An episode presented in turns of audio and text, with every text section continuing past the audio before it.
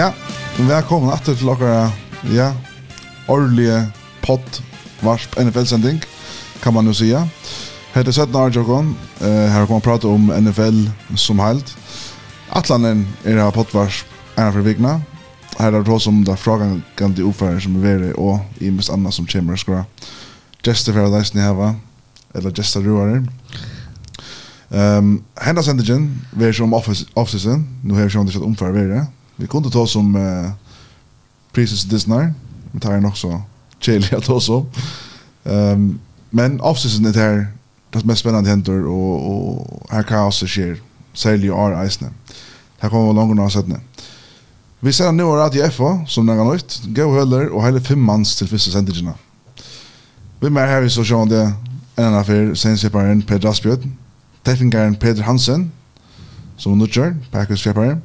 Agvar Prespa, Presta, Delfin i Nadegaren, og eksperten i Rødland, Aksel Berg. Det er bedre ikke enn Legion. Jeg tror det er ganske. Velkommen rett hit, og velkommen til uh, sendingene, Peter. Jo, takk for det. Vi får begynne vi uh, noe som hendte nå i august måned, er uh, NFL, uh, danser, uh, la konger, fikk jeg sjokk da i TV2, uh, eller Viaplay, ikke for å sende det NFL, men nu så är allt, allt brött efter på det här spelet. Ja, men man vill säga att, att, att TV3 uh, inte har rätt under till uh, mer än i år. Det har haft det i, mycket rätt 14 år. Det har haft det ordentlig lunch. Vi minnas öliga väl Elming, och för åkken uh, ordla NFL-fjeppere som uh, börjar och hitje ta, ja, nekst gjennom. Uh, Så er vi gång spent på att bli verster til TV2 har vår lucka som kundgörs det at ha täcka några dyster. Eh, tar så här i tjack hos näkvar og kvar formatet. Tar helt tjack för verster Men vi vet vana til att gå och gamla som vi känner. Thanksgiving vi var inn og så rett det tar alltså jag hooks om det det var rättliga oprofessionellt men det var rättliga ja, tjöknumförter på en annan måte. Men så är det något som uh, man kan göra vi att uh, hvis man inte tog in hit efter danskon vi människa, vi tar man också väl som flesta av oss som sitter här att hit efter uh, uh, uh, ja, vi amerikansk vi människor det här är också mera orsaka inte allt gott om elming tar men här mera kvaliteter och uh, eh du har ju rösna ja legender gamla spelare som är i sändningen och det är game pass. Og til Hvis prisen er øvnsan, så er det en godt høve til å få lort etter Hard Knocks, eller hitje etter Hard Knocks. Er det om ordentlig å hitje Hard Knocks, det gjør det godt innlitt i hvordan et liv fyrøyga seg til til kommende kampgåere, og hvordan hvordan tar gjøre vi, eller justere håpen til seg. Tar jag kort och så. Du sa allt du kommer in i kontor. Jag vet inte om han är samråd över spelaren tar kort här så. Ja. Men också av vars för det inte har fått vi och vill jag gärna veta hur en NFL fungerar och jag kan också snack organisation är runt om oss och fälla. Och du kan färd inna nfl.com. Här kan du så få där game pass och till två packar man kan välja om man vill betala så han Det är Game Pass Pro till han kostar 800 forskroner men så fast du är av marska erkong till alla dyster eh som är center och du kan fylla en och leje och ja det är redan en gammal Så är det som är dem i väl NFL Red Zone patchen och här är det som Otto Red Zone. Han kostar 545 kronor. Her kan så suttja allar uh, dyster og sen, egentlig, alla öll scoring drive som køyra, så du sart faktisk en brøya vifte av öll dyster noen, og hvis er en, uh, en spennende dyster, så kan jeg sette det lus mer fokus at her, men du sart öll hinne touchdown og alt det så hvis du ikke er så nørt og du tog jeg hittet øyne dyster, hvordan han lever, så er det her og øyla godt uh, høve til at lukka som uh, jeg kom inn i NFL, Ja, det är väldigt gott om man har fantasi just nu. Det är, så kan man sitta och vara spänt i någon här lyssna som går. Eh, och man kan lyssna, visst man, visst man väljer att ha hitcha till TV2 så kan man lyssna få rätt sån TV2 play visst man har abonnemang här just nu. Så, oh, ja, är det sån och TV2 har kostat ja. just i, i packan. Så, så det är typ bättre än att gå och och hitcha i alla fall. Och jag klarar, vi är när presterar sig själva, men han presterar inte kvar för li han, helt vi. Varst då är när helt vi... Uh, Og livet som øyla godt for togene. Ja, øyla gå. Er det ikke det? i keppet. Ja. Ja, så vi har gledt opp noen sinter til at nå kan tenke at han beina veien på beint. Altså, Chiefs har hentet ikke i offseason. Agnar Töld vid Dolphins. Mm -hmm. um, det som er vi i NFL, det er at det ganger er lengt i middelen. Super Bowl er 1. februar, og NFL börjar efter i september. Så det är öliga stort tojarska man spelar i. Vi ser kolla. Det är det är bara hästar man spelar. Det är inte allt år, ja. Så slår man som rätt och att man brukar ett sånt kvalt ner. Bara sitta ta den ena för era. Så offseason är öliga längt och det händer inte. Det mesta händer så är free agency ett omkring mars och att draft i april. Att han väljer så eh silly season är i, i NFL men det är liksom inte rätt öppna men men det är hänt och vi får liksom att ta sig upp i vad det hänt men jag vill säga att han, och det är Patrick Mahomes, halde är är den viktigaste spelaren av Chiefs linjen huvud Tyreek Hill den senaste åren. Jag halde han är den farligaste spelaren i NFL. Den tjata spelaren i NFL, han som bröjter Disney mest ta Chiefs spela. Man ser det jävla tydligt. Gossen är kjolt och han inte Tast, om man inte färd håll trusjar touchdown så, så halar han alla vägarna från så inte plåst hinna spelaren där. Han tradar till Dolphins för uh, fem uh, draft picks men ikke en særlig høyt rett picks. Altså, nummer 20, nummer 12, 2-4 picks og 2-7 pick, alt det der. Eh, Legger man det sammen i virus, så sværer det noen til å tølte overall pick i draften så Han fyrer til Dolphins og fær seg en monsterkontrakt der. 4 år, 120 millioner dollar. Hakstan kontrakten mia per år av nøkron spilleren, nei, wide receiveren i NFL. Og til sveisen grunn til han blev trader for Chiefs. Så Chiefs har ikke mett at herfra att å resigna 18 år til året. Men man heier han så året ut da. Så kvart Hva skal man halte om til at Chiefs velger at, uh, du kan takke han først, at, at, at Jeva han fra seg? Jeg har ikke Jeva han fra seg, det er mer til at, at spilleren vil det også nøyt, det er det første, det har sagt selv og tar man, her er så god organisation som, som Chiefs organisation, i seneste årene, at velja Jeva som beste lagervekt til å møte til at det klarer seg utan han.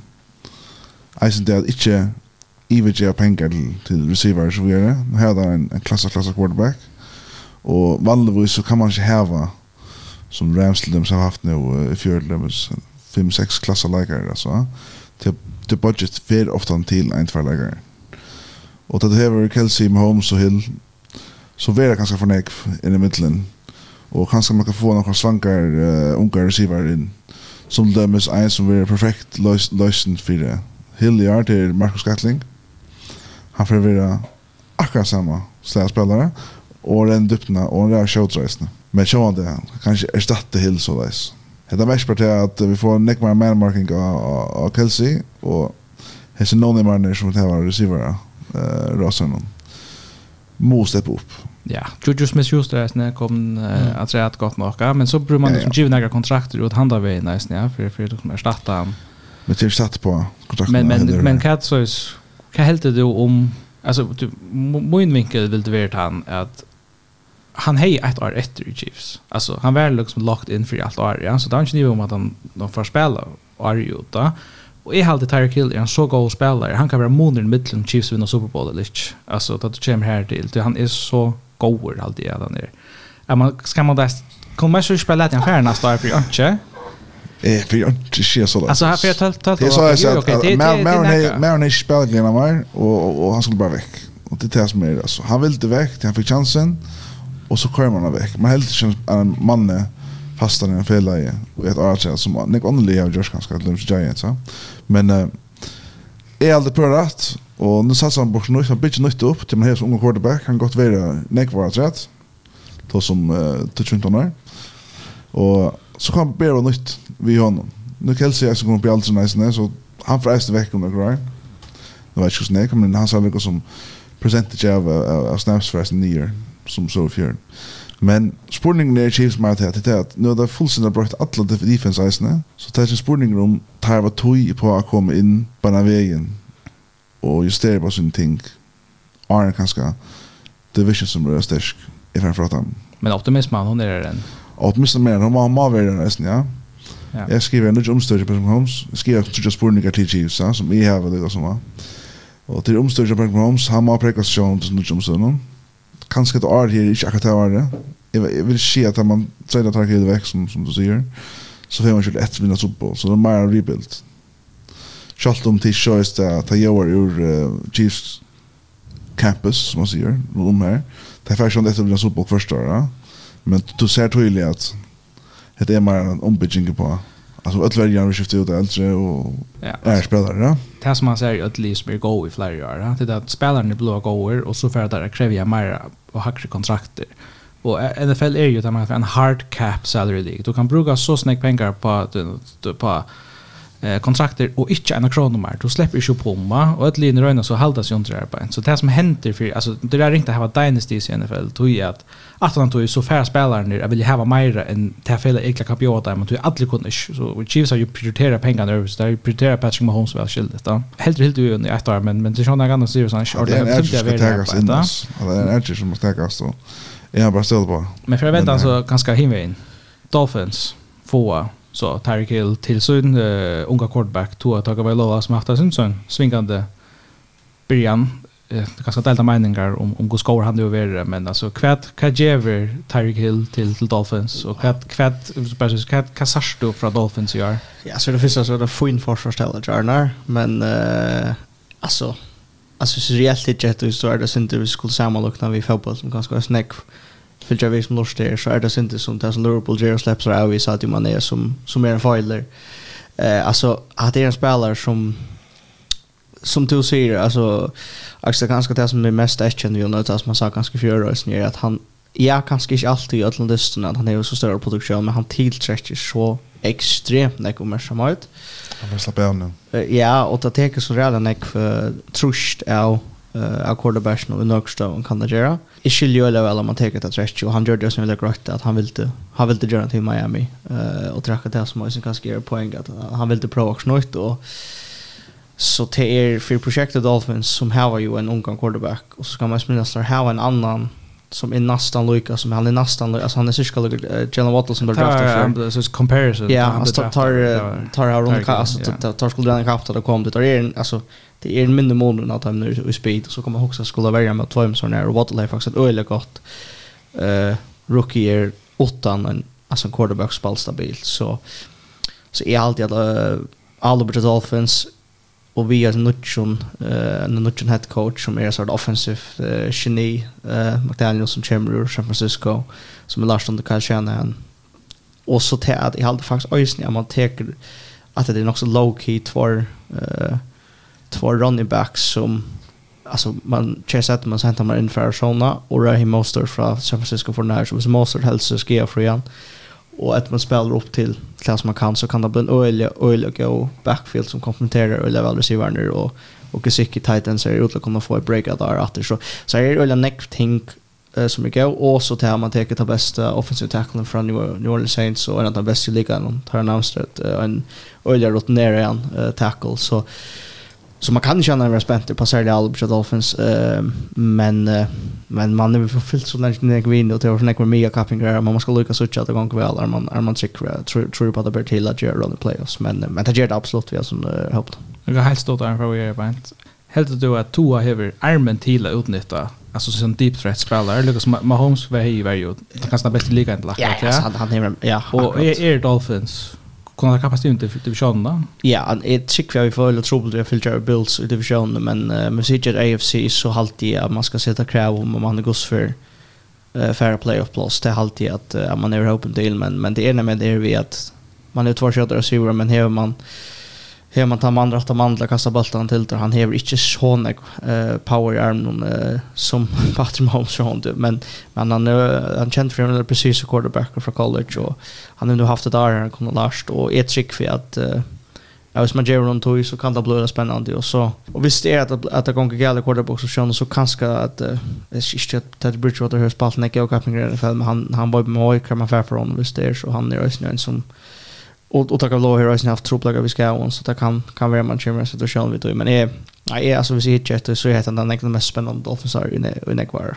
så från så ja det har vi helt sikkert snor tappa playoffs för oss nu. Jag hotla kvar bollen ut lagar och kan du jamma och Lucas som Carl han grill han sen det Lucas tillbaka finns han på. Så att Peter du helt vi Packers. Ja. Här reisen hänt Tinko Sager i Green Bay i off-season eh att den första bulten som som rullade det var att han att alltså Jag hade vi sett en av de sista sändningarna nu är att det var inte en Rodgers för oss för fra Packers. Alltså jag var helt säker på att han får. Ta man han att han tar för. Och kanske också när Jeva stolt. Där jag var ju att han skulle vara han skulle vara värst för Jeopardy. Han han är väl gärna några shows så han var väl vald omtor och trots väl rollen i ombart. Jag känner inte att men och det var röstningsspekulationer på det. Ja. Nei, og Arja Packers enda jo sint katastrofalt i fjør ved at, jeg vil kalla det for et, et flopp i playoffs, altså, man, og jeg synes ikke særlig Charles Rogers, ja. Eh, det som han så svært vi til er at eh, han er verand i Packers, men til en monsterkontrakt. Ja, så i år 100 miljoner, alltså han får få 100 miljoner dollar om året. Ja, och 100 tar man er garanterar. Så, ja. så det är öjliga pengar. Så stor parter av, av cap tja uh, Packers som färd han har ordla rätt att hunka kvar kron från dem och urslit ut du för sig bänt ut till att det är kött dra till att resigna några är spelare inte hade dra till att resigna Devante Adams. Så där franchise taggar han och tradar han så till Raiders 4 eh karta 2 ett första pick och ett second round pick. Och här han så fick jag, han fick så en stor kontrakt här under 4 miljoner Men ja, till till till till till sövna ska Joars ösn att uh, agenten Cha Adams han säger ju i mars månad att Packers har ju mer pengar än Raiders gjort okay. men han han luggar sig nej till han har blivit så trött av um, uppförsten Cha kan man säga front office yeah. då ser jag inte skona så tar tar uh, herran är i um, i klattningen som skulle styra på någon alltså han blev så trött av ifrån han finns ju inte med där och ta som kontrakt alltså första det att han säger bara nej. Men det är inte ringt att betala 80 miljoner till en quarterback och så betala upp mot 30 miljoner till en wide receiver. En wide receiver att rätt. Så det du som brukt uh, det men, helt men vi såg vi såg ju legal att uh, on, on, som då öjliga väl vara kreativ. Vi är snär salary cap och till som ja. som vill vad som vi att faktiskt helt att säga. Så vi är några kreativa så då då att uh, dansa runt om och äta till av visst showande ju ju men att är bara två spelare Men Packers signa av öjliga kvar av tar offense. Nej, jag tar defense åter. Så här tar jag bruk pengar allugal. Här är det Det var inte Campbell han öjliga viktigare. Nej, det är Nej, vad säger du? Jo, det var inte Campbell. Mm.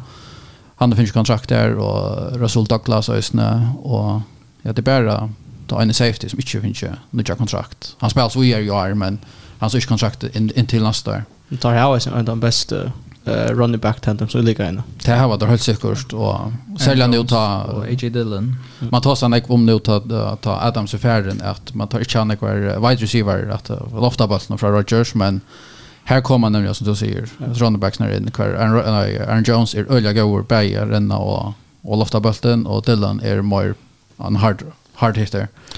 Ja. Men vad väntar du? Är Packers alltså kan det dra 13 och 3 3 eller 13 wins Tre år ja. Tre år det tappt i NFC Championship this non. Tre år det and Rodgers ich spalt där och så där tappade NFC Championship this nu men vi man tappade i playoffs utan kom Super Bowl. Ja, det är det är sträv hit att Packers eller på en måte tog att du sitter där kvar en söndag och tog seg etter for at vinna. Alltså du är onkel du er så spentur. Alltså jag tog sig bara tar oj jag vinner detta och så er det bare irriterer hvis du er tappa. Men var onkel det är spänt för spent for nemlig syser.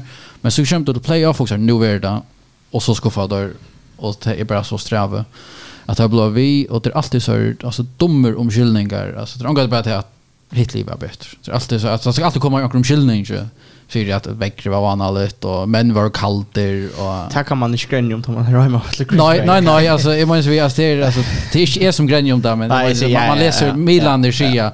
Ja nej hör alltså jag bara sista det står tappt mot för Niners att det då ja frozen tundra därför så det jävla gott för Packers akkurat tar. Akkurat. Men så brukar akkurat samma argument att det här det var faktiskt så gott och det låter slia och men det det passar faktiskt tror jag att San Francisco 49ers var att uh, Sindemar alltså ta ta ta där här utan quarterback som där hade går upp low så tar running game så där blev så små smash med fotboll så där som tar spalt på mig. Jag har alltid ofta nu hit ju en get pack packer i running alltid jag också packers tror jag att det är så liksom mer att det här är också aura i så det är det ju att Elsa Fällen och Elfell och Roger bara, han är bara så fantastisk spelare hit efter kanske inte för Apple eller hans hållning men Murphy han hans är och matan och spel på han är så atletisk ja men tar är så avhänger av av armen John och han spelar gåendest men ett trick för faktiskt nu vi ser Lucas shot på er, att i minns 54 att ta för till Arizona och spelar mot Cardinals. Helt Cardinals som tappade en dist här och här åtta han åtta där vattnet att han åtta han i vart som väldigt eller några inne sig var och Randall Cobb lofta två touchdowns alltså och han, han färdiga som tinchen jag kör lika väl så här är också vi hans här alltså han är en quarterback som gott kan spela åtta klassar sig men det var ju alla Sen det är egentligen inte så jag då inte att Adam Samman det var en extremt uh, stortlig combo, den bästa kombo i ganska den så stjärnan absolut. Men det är som jag ofta har sagt att det är Rodgers som är just i sig receivern är Green Bay Gower. Uh, så där kan man lägga ut till att det var inte hej som några Arna blev vart Gower och som mm. vill jag säga att det är hans rätt alltså han, han som blev Gower som man säger att det är Rodgers som mm. var så Gower att han fick Adam ska vara så det var väldigt spännande att sitta ur Raiders nu. Absolut. Det är Carr för det samma på sjur. Absolut. Tar har spalt samma för Carr, Carr och, Adams uh, College. Och, jag kan inte, det är inte ointressant efter Raiders. tar också inte. Nej, det är spännande. Så... Ja, jag kan lukka lite, jag tror på jag tror att man hört Östne ta Adam skriva ju under vi, uh, vi Raiders som du säger att det var College roommates och nu är det en var åter och och till Östnyans där barndomsklubbor till er Raiders så det är alltid dreamer i John. Mm. Jag spelar alltid vi Raiders. Eh uh, så det är ganska ösnen syndra säga. Ja, så du tror på att det uh, Green Bay. Det är ringt inte att trycka på att allt det är tar man följer via Twitter så rätt och sånt. Det är anpack man filter och allt hypade upp och man ska vara sin världen men värjan öra över Olox Halja ju. Ja.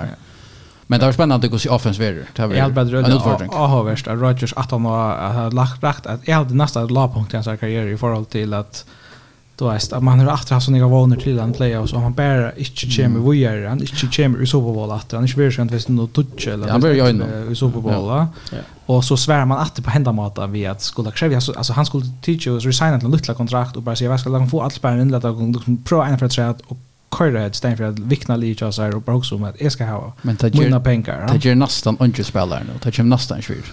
Nej, men det är det som Brady uh, görs ofta. Ja. Som vi men, men ja. Det är akkurat det. Brady är inte... Han, han teacher 45 eller 4 i stället för Holtrush. Så har man haft pengar till, till Devante Adams. Det är så öljande att säga att han bäst betalt. Ja. Det man ser och gör, alltså vi näkvar sina kontrakt någon, ja. någon position. Ja, och det snurrs inte nödvändigtvis om att vara pengar klart. Det snurrs som ego i tjasar. Ja. Är det högst betalt, ja. Mm. Och ego går ju Rodgers är störst. Ja, ja. Men uh, för att det syns väck från, fra Packers her, bara. Har alltid att uh, vi kører sånn til vi quarterback Karsell när det att halvdelen vi varslar jag tar vi för in i offseason och tar en av sin sändning någon för att det heter för att svagt. Ja, jag vet inte, men det är det det är så milt hampliga svagt kan man säga. Det är det är alltså det är svärkare ting har vi säga än det är. Ja, men bara så ekvis senna, alltså jag hade det längst sen det vi att att är här du så några brödingar quarterback position då. Och han hade Jim Jung drafted. Alltså var en quarterback i första rundan i draften då. Och han Mitchell blir inne. Det är Mitchell Trubisky som är name starters till Steelers och inte kan picka. Okej. Jag tycker jag bara kan picka. Det ser bara vägen. Arnan spalt. Jag tycker bara. Men vi sa då så kör att Argan Grenier och quarterback draften var inte så. Ja, han är för med sagt så han var ikke så god. Nej, nämligen. Alltså, stå i kökt. Mm. Men det är ju skriften att en quarterback som är det är att Deshaun Watson, han rätter åt då, men alltså han satt ut i allt av sista år i, i, i Houston. Eh, det är ganska nästan mycket att säga hans balta hvis man nu känner fällfjäppar. Alltså, Deshaun Watson är uh, trade över från Houston Texans till Cleveland Browns för uh, tre first round picks och ett trea och ett fjärde runt väl. Mm Og så kjøtt han kom iver til Cleveland, så fikk han en kontrakt som er 5 år 230 millioner fully gar garantera öll 5 åren fram. En monster kontrakt. Den bästa kontrakten när en fällspelare när en skron tror jag. Alltså så är för spelaren 230 miljoner dollar för folk som inte lukar som till 230 miljoner kronor. Och hetta hetta är alltså hetta är orla hetta the move of the off season till Cleveland som har Baker Mayfield alinon än. Alltså ja, men eh är halt det Shalver, det Sean Watson så lukar halt upp till han. Fantastisk spelare. Alltså han han är över ett ett nivå någon någon så spalt och det känns så igen uh, 2020 kappingar ta han var han spalte faktiskt MVP nivå med Liva så vanligt. Mm. Nu kommer han så till Lee som nog är det bästa Lee när han har spalt vi kvärt ska man vanta av Browns så han så ju något det att han faktiskt är han fick karantän ett vid distri är någon. Ehm så kanske inte nek vi är men kanske vi vänta är hus ner trade nå. kan det tycka reaktioner på det. Ja, så för för Lucas som det helt stort av bakgrund så är alltså grundlad han är ver karantän hennes lunch till att han är OB Hailer och sitter på pent alltså ta han han är det vill pent sagt. Ja, pent sagt vi nekva kvinnor som har skulle gym massage och allt möjligt. Så så att det är mer som som säger helt enormt talent men som behöver Hur Josh Allen jag tänker utanför bollen som jag ska göra. Eh och alltså det är fullständiga vanvittigt track av, av Cleveland Browns. Inte så näkt att det ha Baker Mayfield till er en en quarterback som stadig hever han fram, kan hevna fram till. Men Moira bara att det är man förrättar som man som man är så osäker på. Att Amma Jones har så pengarna eh och en, en organisation som man faktiskt ser sig som avea på stabila och det så stjärna eh, faktiskt nästan bokstavligt att kasta alla pengarna veck och, och allt så rykte veck för, för att få Färdrys quarterbacks. Alltså, Maren har pending losses som också är i. För flera år en kronor Och färdskontrakten här. Alltså är skiljer slett inte, så jag kan som är. Hade det där skapelt. Jag kan akkurat samma. Det är sitter. Eller är Ja, alltså Mike Florio som är en advokat som täcker till NBC Sports en av de bästa journalisterna där på. Han säger att fullkomligt ohuxande att John Watson outspelar i NFL. Mm. att han säger kontrakten ett land här han får Chamber Mara på sure. Eh, tycker inte på att visst visst nu att Ankur Ankur han vill dundra för att över vet. Tapsatchen. Han måste också det kontrakten att han inte får pengarna. Det kan inte passa. Nej, han, han omstrukturerar sina kontrakt så läs att allt får till signing var. Han finner pengarna upp front så hans här game checks är så jävla lite för Han missar nästan ånga pengar. Han missar liksom 300 000 dollar av alltså ett game suspension. Så han finner allt upp front och signing bonus. Alltså för ett år. Det nästa året så missar han pengar på suspension så vi säger räcker under nästa år. Ja. Men där börjar vi att man man säger sex dyster så blir det till 11 och det ser ut som det är nog helt sig här på. Ja. Ja, det var till en agreement mellan uh, spelare för Rangers och Deshaun Watson och och ja. NFL. Ja. Så det var nog det att ha det. Och 5 miljoner dollar. Men jag vill säga alltså jag är också tror helt om det är att en såna så hade det fight att man säger vi färra all in. Vi vart inte Baker Mayfield för att ta oss till till Super Bowl. Vi får en sån spelare som Deshaun Watson, alltså en topp potentiell topp 5 quarterback i NFL kan han vara. Det är rävligt att han gör en eklie men hiven kontrakten er jävla stor. Du har ju en draft picks nu i år och de nästa två åren framme. Hvis han inte alltså spelar ordla top level alltså då som Mahomes alltså just Josh Allen nivå. Mm. Så för att det är ett förfärligt trade av dem. Uh, og Browns var ikke, det er ikke de som har vært lengt vekk. Her har vært reellig tatt vi. Altså, det er ikke lengt så gjerne, altså, hvis du føler at i fjør var som du kiksa, men att att där Montesley Chiefs ut att där är är playoffs här man liksom okej. Okay. Ja. Eh så så på tamatan är det fan rejält harst in efter Deshaun. Men det är alltid spännande. För det där. Rätt spännande kan det bli det. Är det Shannos? Schalt hör bad boy.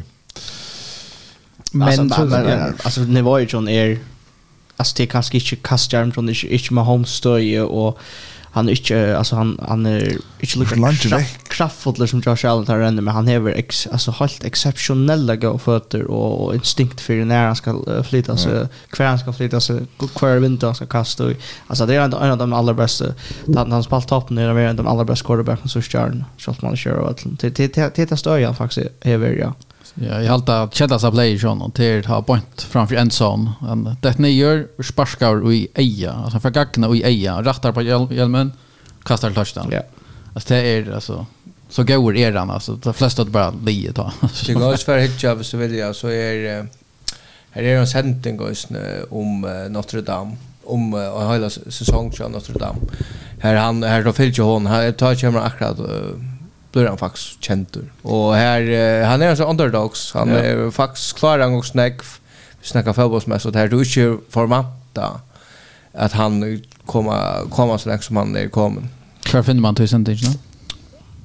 Google. Okej. Okay, ja. ja. Nå nå heter det ett landa Notre Dame och ett landa men ja. Golden Horde eller något. Jag visste visste ju mer än en streaming uh, plattform. Kan gå för. Man inte. Så, så lägger det hem vägen. Baker Mayfield yes. är så fan fra Browns til Panthers för ett alltså alltså ett ladligt femta runda väl. Och till Ralle Nylje hänt. Det var en man som gjorde också att han får det. Jag är gärna vilja Baker bara kom till Saints istället för att du helt Jamie. Ja, vi skulle femta runda väl. Femta runda väl kom till Giants kom alltså då är alltså gosse lockt hans är då är vire för på i fjör. Han spalte skatt skatter i fjör. Alltså han, han, han, han var skatter i öxlarna, han valde att spela lika väl. Spelar hundan till det samma och så knappt så helt man att han han inte är en god quarterback mer.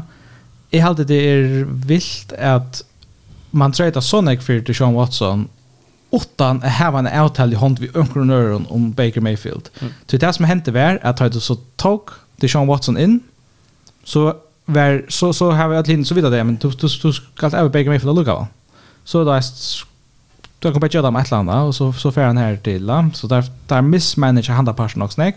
Men då så fick Jacoby Brissett in som ska vara quarterback där först Edel Disney och Orange honom. Gå ett nu Panthers och Panthers för efter en en någon veteran quarterback där har draft en en för men men his för tycker vi att det är intressant. Ska jag söka Baker Mayfield och Sam Darnold och Sam Ali. Nummer 1 och nummer 3 i 2000 och Archon draften då. Man glömmer att säga Barkley för det här till. Ja, topp 3. Nej, det Alltså han förra går ju men eh Alltså precis spalt i Dolphins of year. How is go? Han spalt i Colts R4 how is shall go. Så nej, alltså men jag är alltid att alltså Ischia Panthers är ett lag som ser så extremt spännande ut men men hade är en quarterback och visst hade händer inte säkert jag drafta drafta någon man nu och fram till draften McCaffrey han får inte alltid sig ordentligt skriva för men visst han spelar ja ett lotal dyster Kuichi. Alltså inte en stark division. Alltså boxer ja, men annars inte. Nej, här är Saints och ja, och Falcons som ja. Ja. Men det har stått en matchup uh, i week 1 kvar Panthers spelar mot Browns. Så det var rörliga och har värsta sådär revenge game här från Baker Mayfield. Det var det. Vi måste lägga hinna quarterback i skriften som näkar att det kan göra mer. Russell Wilson, nästa stjärn quarterback eh handfärden från Seahawks. Tar simpelthen färden väck från honom. Alltså går så ofta ni för Arnold Tosa vet om Pete Carroll, han ska vara quarter i Seahawks, han tror legend. Allt extremt. Det var nästan kvar vecka. Ja. Seahawks valde att hålla fast i Pete Carroll och sända Russell Wilson nästa. Jag tänker Drew Lock att det fyra. Ja. Det är Där fick Drew Lock, Noah Fant, Drew Locke kommer sjunga starta chatta men jag hade han är en over quarterback men han han fräls när vi är starsta quarterback no fan finner starting level tight end. Shelby Harris en random defensive tackle. Två första rund pick två second round pick och ett femte rund pick. För Russell Wilson som ja han är han kommer upp i Arne lugga väl men att det är alltså han han kan isne hans nivå är högt och för första för så en paid manning så har vi en klassa quarterback i Denver att ja. Ja samt alltså och och Leach att den var share extremt spännande. ut. visst Jerry Judy och Cortland Sutton tar sig var som på det över skia player så ska Kappingar och Kvarsa Kappingar. Det tar ju klar hålla sig klar han. Javante Williams så han helt rätt att stöja. Han och Melvin Gordon i backfield. Alltså så tar sig de alla upp som vi kan näka och så spelar Russell Wilson knappt en Lee som kanske kan spela sin Nebraska Stitcher då. Är det spännande alltså ja. Russell Wilson utanför Pekero. Ja. Ja, det har vi det Schaffer. Det har Schaffer. Nej och och Seahawks till tydligt att det är rebuild mode. Eh nej, spännande och tar spännande man kommer den första ungefär. Det gör det. Monday Night Football, va? Ja. Och jag jag jag spelar ju Broncos nästa fjärde tar Titans som kom upp med den no fem skatter så kommer snär. Prosinal prosinal. Är Albert eh uppe quick up på. Hade en annan som framöver. Men han var helt extremt god. Go blockare och öga vänster Så här är ett öra gott samma Lee Broncos som bekymrar mig sen med öga. Ja, det där tror jag tar ordentligt ett, ett spännande liv för vi i annan division där är vi open i AFC West. Alltså vi Chargers, nej, vi har Raiders som är blivit bättre och Broncos som är blunder ordentligt år. Alltså till det är ja. spännande och Russell Wilson man kan se att att hans karriär har lucka teacher sort turn nu as inte ni rätter så just i Arne har inte vunnit några playoff det så hur liksom det var längt i mitten eller det lite längst så han var ordla goer och det är längst han spelade i Super Bowl det är det nog 15 va Mm. Sporting ner, teker han ett second stint av hans karriär nu. Kanske liksom som då Peyton Manning kommer till, det är ju så gammalt. Jag kan säga det. Peyton Manning effekten här resten, ja. Pete Manning tar ända mot Colts, så är det omotiverad, omotiverad, ja. Mm. Man sa var nio efter, så följde Broncos och så bara motivation för här upp. Det är också samma, och så blir det ganska nu. Kommer fullt en nytt omkurve och ska ordentligt finna sig av nyttjan. Och kanske en boy som helt vill vara i Seattle. Vill du gå GM annars? Denver Broncos? Nej, John Elway. Ja. Det är en annan spelare. Jag måste säga att Russell är bättre än Alltså nu han kom till Denver and tar Peyton för till Denver. Inte inte det första i två nu till Payton. Här är det inte samtidigt. Men uh, men det så är en rekordna för mest yards kastar han alltså det första alltså alltså det tar sig tar helt helt helt så redan det första men Läven när Super Bowl är du kan se det. Ja, men Peyton han har sagt att han blev bored till alla Super Bowl staple. Men intressant att så med det för två månader sedan var NFC West nektan största så att. Ta Cardinals var vi uppe efter, ta Niners var ordentligt störst i världen.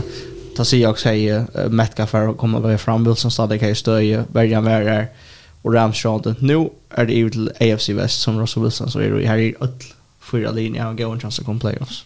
Annars nu om det. Är det rätt så kommer vi redan. Kanske att fyra.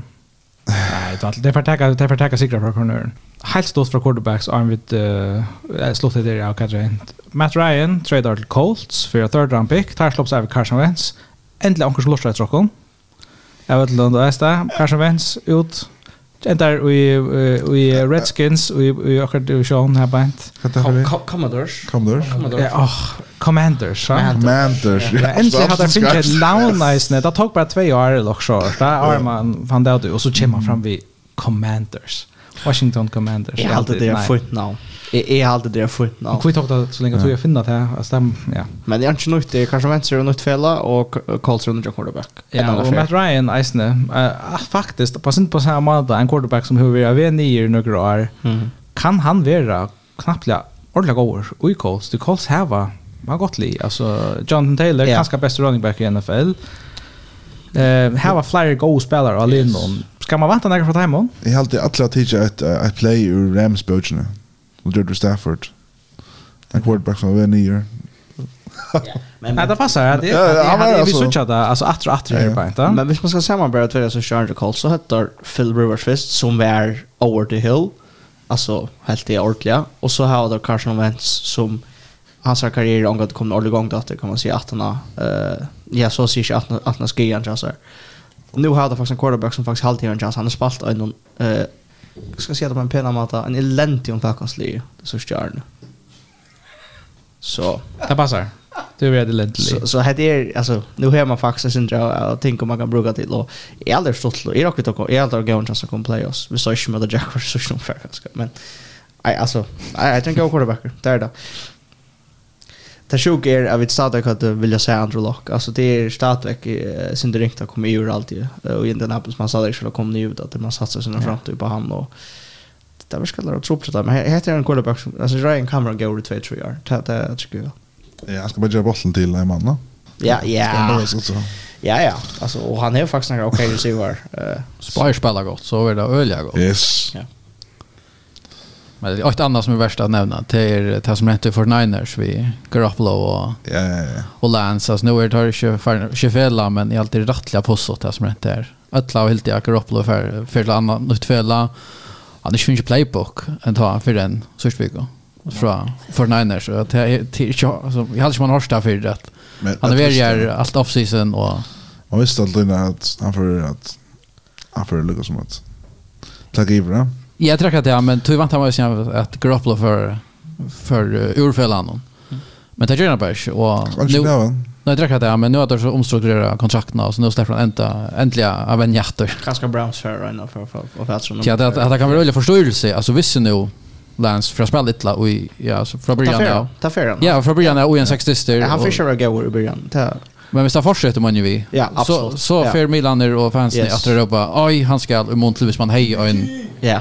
Hvis man har haft en uh, Drew Lock han ska ett la Ja. Och så han 18 4 ja. Så det är köpt lugga harst hvis det gick. Nej, det är mer som en titel Super Bowl alltså. Okej, okay, det är okej.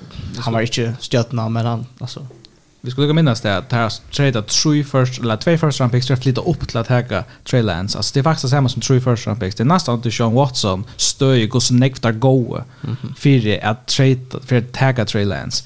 Tar move för all den efter honom och jag hade inte löja hålla fast och jag har Jimmy G all in någon. Ta i därför bara skapa press och han istället för att vad ska vi stå på det. Trey, du tar det där till 2 ett lunch. Vi kör vidare.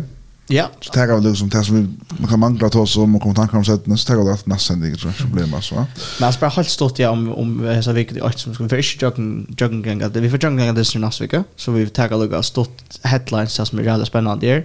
vi tar vi er sin nettor, Eh vi börjar för natt, det vill säga man kan kalla det hans øyla sant høstkvöld, eller tydligere för det klockan 8.20 för ska ta och det är som alltid Super Bowl matcherna som, som börjar kappingarne, og det gjør då det till Los Angeles Rams som från det måste och tar börjar vi att spela hemma mot Buffalo Bills.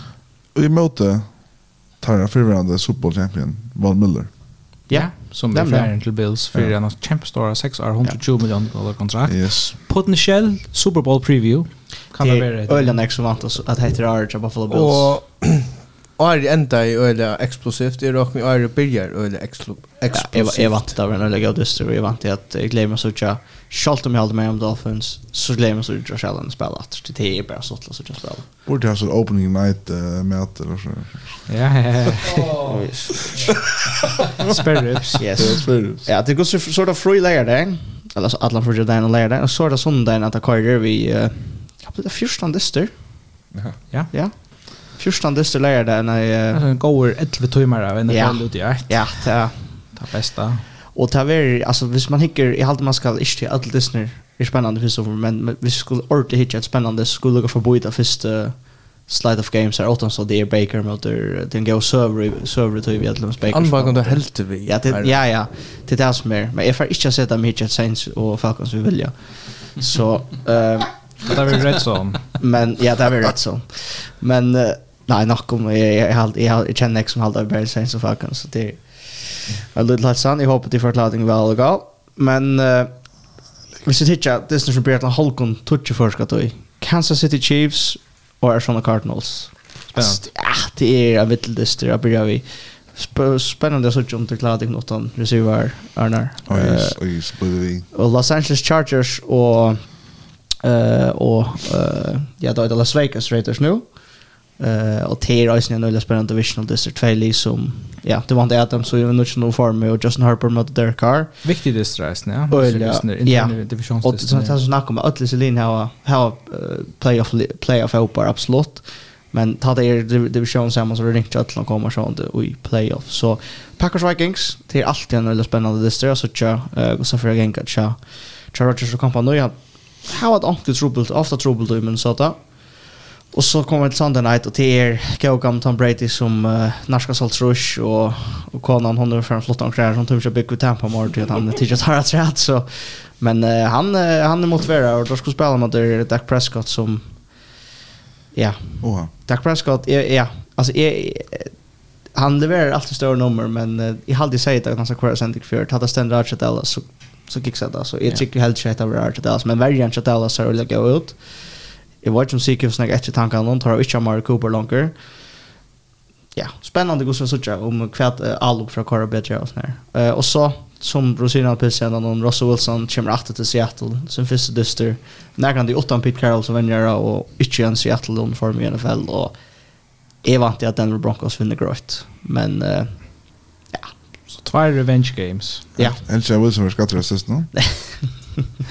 det er ikke som tar far og kom atter til... Uh, till Packers, men uh, det har vi rock faktiskt inte vi har bo så han gick det det jag tycker vi det här som har träda han vecka ja det där som är och han han vann en Super Bowl där så är skulle spänt som att oss det här nästa vecka som absolut ja och, och Dolphins spelar mot Patriots annars alltid en spännande styr Trätta ut glätt om den här dysten. Nej, nej, men nu hade jag när har känt. Ja, ja, spännande dyster. Ja. Han sen så fokus är akkurat spännande som Dolphins. Dyster en om kväll första draft nu. Och Giants, eh? Nej, Giants spelar mot Titans, va? Ja, så det kan godt enda, og spennende arbeid. Det er ikke godt nok skiveskriftene som skjer disse noen arbeid. Han får ikke nekk coverage. Nei, men jeg har jeg har tidsi i kveld til draften draften tog, toget, der kan jo seg om Barkley, så jeg håper at han får ikke vel å renne til disse. Så håper at det er riktig over. Ja, det er riktig over, ja. Men som sagt, det som det gjør nesten, man kan gå og si at dette livet godt i fjør, så det er noe lunde gjør som spillere, ja. Men man vet ikke hvordan avsynsene er, og hvordan det er vant, og om fyrer ikke kan gå nok, og så gjør det allt kan vara ett hötte. Ja, så man måste man lustra efter coverage så att det inte väl för ödlande och det är allt och det är allt så gott ut. Jag måste understryka att det är allt och minst ettlig som man slett inte har vant på för att och playoffs som kommer i playoffs. Det är allt och ettlig man också wow har kommit härifrån. Bengals för Miami gör. Nämligen. Och det är allt och ettlig som var ordentligt gott i fjör som inte kommer playoffs år ett. Ja, och där vet vi så hur det är, men alltså det är så bara det det händer ting, alltså allt är ovanta, man bläcker ut det som hänt i fjör. Vi börjar nu chon. 0-0 och det är ju ordet helt att säga. Men nu ska vi nämna tipp alltså, så kan få så om några hon klarar att hitta några rätt nu är när är väl så några som helst. Ja, vi får att vi får hitta nu. Lucas som bara Lucas som NFC och AFC Lucas som finalister. Är det så Jo. Och och vi tar en sån quick fire round som man säger. Man ser bara Lina och push sådana runt ju. Ja, och så Super Bowl kom så ja. Ja, ja, så ska man se tack en sig. Men uh, mind you hästen där vi ska ni nu och så tar tar upp att tar kom hem vi sån vi nu bröd på något. Och kvar var bäst. Så vad spel? Jeg i alt just nu. Jeg kan säga man kan si. Onkel sier bare okkur fyrir jeg spela stortliv, men jeg alltid det gong så vel. Annars är de fina dyster tja Peter Hidget, Då vi snacka om. Nu har vi rönt att promera Saints men alltså Packers möter uh, Vikings. Som är alltid så. Han alltid till tantes är jag mest nervar till alltid. Det är så häftigt förhåll annars. Det är det och jag plejer hitta sig med man som helt vi Vikings så till för över honoratten som danskar säga. Attna, då tar allt på allt. Det var öliga öliga giftot. Kanske är bättre Packers Vikings eller Packers uh, Chicago Bears. Roger, Rogers vinner Bears score. Ja, det är spännande lag. Förvärd hade han klassiker men nu har det är Vikings som är det bästa li. Uh, I långt tog i i Bears alltså. Och är så ju mest fram till Vikings och Packers på grund av att jag vimmar alla i li är och blir inte samman. Mm. Är vi klara till till det här spännande Akita? Ja. Eh Det no, jag nej, Axel du får först nu. Du blir bra. Nej, du börjar först. Ja, okej. Alltså du får se det är faktiskt är är faktiskt också ringt vi väl. alltid... vi blir bara tagga FC först där. Jag har att kanske det mest upplagda till alltså Buffalo Bills är sin favoritter eh till att göra det så i för att för att välja där. Ehm så i visst jag lyssnar du kan ska välja som som näst men är jeg helt at Chargers enda i år simpelt enn så godt utgjør selv om jeg der så ikke kom i playoffs, men jeg kunne vel forstille meg at Justin Herbert ordentlig ver alltså MVP level capping han spelare så ifall faktiskt välja Bills mot Chargers okay. i AFC Championship game. Vad är det? Och ska se kvar för Super Bowl time on. Så vant det Bills för Super Bowl eh att han och så i NFC här har vi alltså Rams att entertaka att komma upp i och jag hade det klorsta starkaste li. Jag har redan ringt och välja kvar hinner det. Det står det slett snäck på Celine. Det står det alltså här snäck fel ju att hinner inne men här näck liksom kunna kapast vi. Ehm är halt bara alltså att vi ska släppa så så gita sen det så så vill jag säga att det tycker faktiskt Minnesota Vikings eh kunna kunna göra det men det det mest ju att det hittar hinner om Cowboys, Packers, box her for nek vi ting kan peka ut vi er i halt ikkje ordlande vi er at at ha vært det. Så Minnesota Vikings som mot Rams. Rams Bills i Super Bowl. Oh, okay. Eh uh, Ja, okay. Ja, altså är er ferdig av vera order trailer eh og se øysne at Rams og og Bills kommer Super Bowl till er det som er mest upplagt. Ehm um, Men jag har lyssnat till Arvus i prioriteringar i Championship Game. Jag syns ringt jag väljer. Alltså AFC här är ju sån äcklig. Alltså ja. vissa bänkol spel och samma stöd som vi. Alltså Burrow, Chase, Mixon. Alltså... Um, och vissa Raiders eller Chargers ordentligt fått att förlora. Jag tycker att Broncos vill ha förstått det, men en av sådana här AFC Westley, alltså att åtta lin order för att förlora tingen, så vill jag att det går så tatt vi. Men till Chargers är det lite, jag hade synd ut Chargers på samma som Cowboys. Ta och ta ständer, ja, så är det då i som det skulle vara. Och Nej, ja. och Raiders Josh McDaniels så vänjer ah ja all för Caravel men det var ju som Lee för Caravel. Så är får att välja Kansas City Chiefs och det är av tre mål årsakon först och främst Patrick Mahomes, nummer 2 är Andy Reid och Carter Staffier och så där Travis Kelce som det Champions Star öppnas som vi uppe att det viktiga är. Så jag vant jag Chiefs och Bills för att pressa samman i episka AFC Championship final som kanske för i år där. Och NFC, här har vi är jag tar också en öda svärstammar men men jag väljer att säga att uh, ta vara en ta vara nästan att kasta uh, pengarna upp mellan Cardinals och Packers men uh, vi ska välja några som väljer Packers och till er uh, Metal Fleur och Aaron Rodgers först och främst plus en öde gott run game till Packers. Och då tappar en championship game en Ja, själva det gör det där men alltså jag jag har jag helt förstått det så höjde till alltså. Ja, det är förstått lite. Packers och Raiders Super Bowl det är förstått lite men de har satt att köra om den där skoffy playoffs. Ja, alltså Green Bay. Ja, nämligen ja. Och vi ska välja en MVP så så vill det köra Roger Sheffield ja. Schalt om han är ju när vi faktiskt åter men det är ju att se att det är Patrick Mahomes. Ja, det är ju så det här. Alltså jag har ju just nu AFC Det är samma som Axel. Det är Chargers och, och Bills. Det är det som jag är bäst eja och av Toymon. Men det är som, som du säger, det är nekver som kunde överraska. Jag tycker vi att Ravens Lee som visst det blev skea fröjer så kunde det bli väldigt farligare. Och Mahomes, nej, Mahomes, han kör Herbert. Uh, Jackson, han är han är yeah. uh, sista arna kontraktet och han spelar för en monsterkontrakt alltså det tas man satsar på han yeah. och tycker han inte underskriva näka. Mm -hmm eh när kan ut så tar ölla stottla så jag tar Gustav förklara sig men jag tycker på att det är Chargers och Bills och Bills kommer i Super Bowl. Och jag må efter vi är stannar. Man kan det kanske inte komma Super Bowl så är det Packers och Packers då färra spela mot ja till Rams är ölla gå på och men här är Snake till snäck så kunde Brady han kan slå till efter till Han är jävla gammal, han mist uh, Sjövan uh, centerchassar, uh, han mm. skattor. Men ja, det är nog finalen ska nog finnas i NFC West just nu. Uh, mot Packers alltid och bästa på är Rams i lötne. Ja. Och jag måste säga Packers för att vinna Super Bowl. Okej, sådan så då. Jävligt spännande det Garner så säger. Ska jag ta ska du äta först?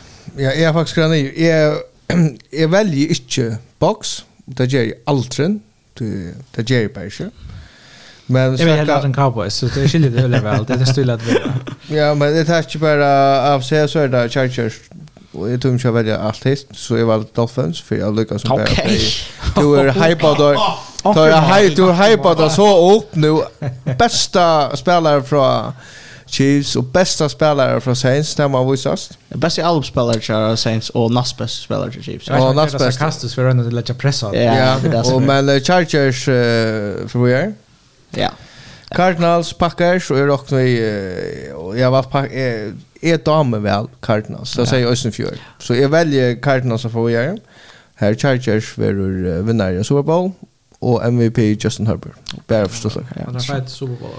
Ja, alltså hvis Harpert och Toa mötas i, i Championship tar var det var det var samt kvar för kvar så ja, det är spännande. Det blir bara AFC Alltså det är det list också det är så också ganska att jag inte kunde välja Chiefs till nu är det OVC eller sånt Så också jag om Broncos eller, eller Colts faktiskt som att komma i finalen där.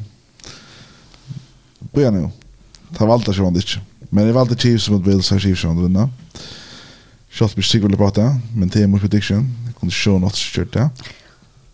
Men i NFC her valgte jeg faktisk Packers for beste Han får i raska atler.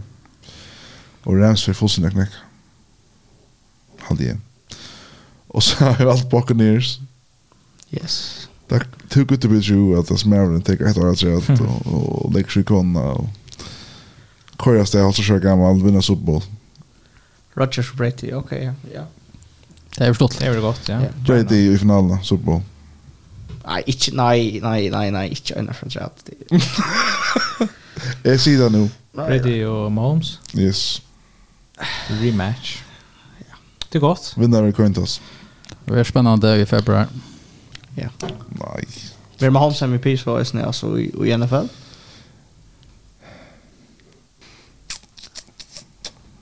Nej. Jag ska ju Det måste jag då. Att läsa det själv men Ja, han är också han är också. Ja, det är väl hjärta någon eller att det är mera jag Men annars bort vi görs nu är det podcast så är det som mera frukt vi det spoilers men vi bort för just mera smärtink nu.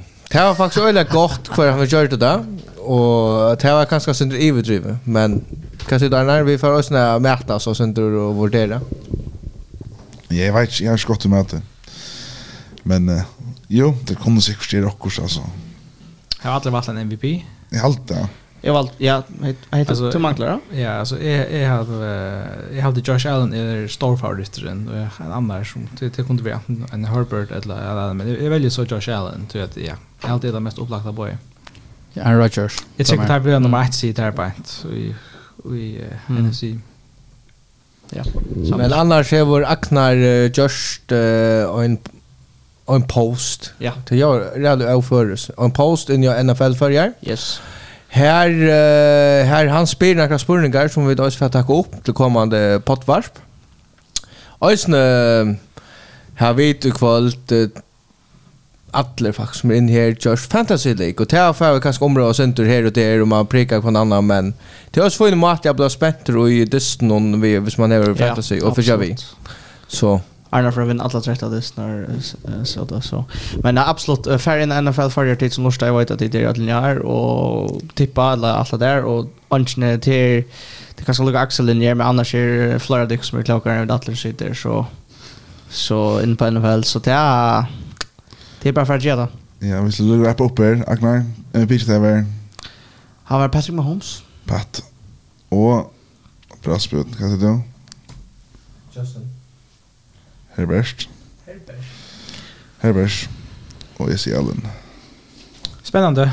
Rejält ja. spänt. Ja. Vi lukkar samman där. Det är såndagen som är 21 februari. Ja. Jag och Axel skulle i random exomorgen att han fyrlöste fyra när de bötten här i på en och en timme. Det är nog spännande. Hur ska jag ta emot? Vi gläder oss. Folk ska skaffa några nya lustar nästa vecka. Möjligen. Men hade det här vi också, inte det? Ja. Så vi satt nästa vecka. si Torshov og si det at OL, men eh, det er.